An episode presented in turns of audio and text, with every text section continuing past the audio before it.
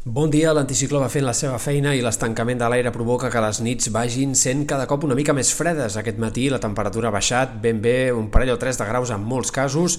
A l'Empordà, on ha parat el vent, la baixada ha arribat a ser de 9-10 graus també en sectors del Rosselló i per tant l'ambient una mica més humit i més fred en aquestes primeres hores de divendres. En canvi al migdia el termòmetre tornarà a disparar-se per sobre dels 20 graus en molts sectors. Les màximes poden baixar una mica a les comarques de Girona, sobretot en sectors de l'Empordà, però en general es mantindrà l'ambient estranyament càlid i amb temperatures de rècord per l'època que ja hem anat tenint aquests últims dies. De fet, al Pirineu el termòmetre pot seguir pujant encara una mica més. La nit de cap d'any, per tant, que tot i ser una mica més freda que les últimes i una mica més humida humida que les últimes seguirà sent suau també per l'època i amb temperatures encara clarament altes per ser el canvi d'any.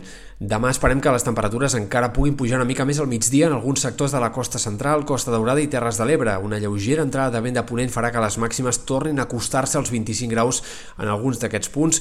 També al Pirineu seguiran les temperatures de rècord i, en canvi, doncs, en altres punts de la costa i sobretot a Ponent el termòmetre es mantindrà o fins i tot baixarà, especialment a Ponent on la boira ha d'anar guanyant protagonisme. Avui ja comença a guanyar extensió i a mesura que avanci el cap de setmana cada cop es farà més persistent i més extensa. Per tant, la temperatura baixarà clarament en aquest sector de la depressió central de cara als pròxims dies i en l'inici de la setmana que ve.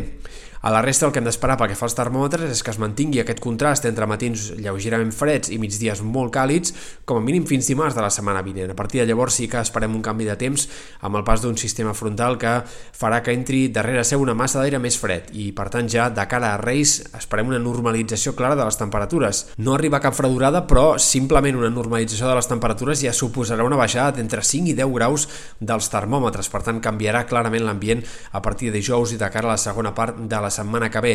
Va quedant descartada, però, l'opció d'una fredurada important abans del dia 10 de gener. Simplement tindrem temperatures bastant normals per ser eh, principis d'hivern. I eh, a part d'això hem de destacar també pel que fa a l'estat del cel que, més enllà de les boires, els dies vinents el sol ha de predominar. En tot cas, diumenge amb alguns intervals de núvols al Pirineu i en comarques de Girona i de Barcelona, però sense que hagin de comportar conseqüències.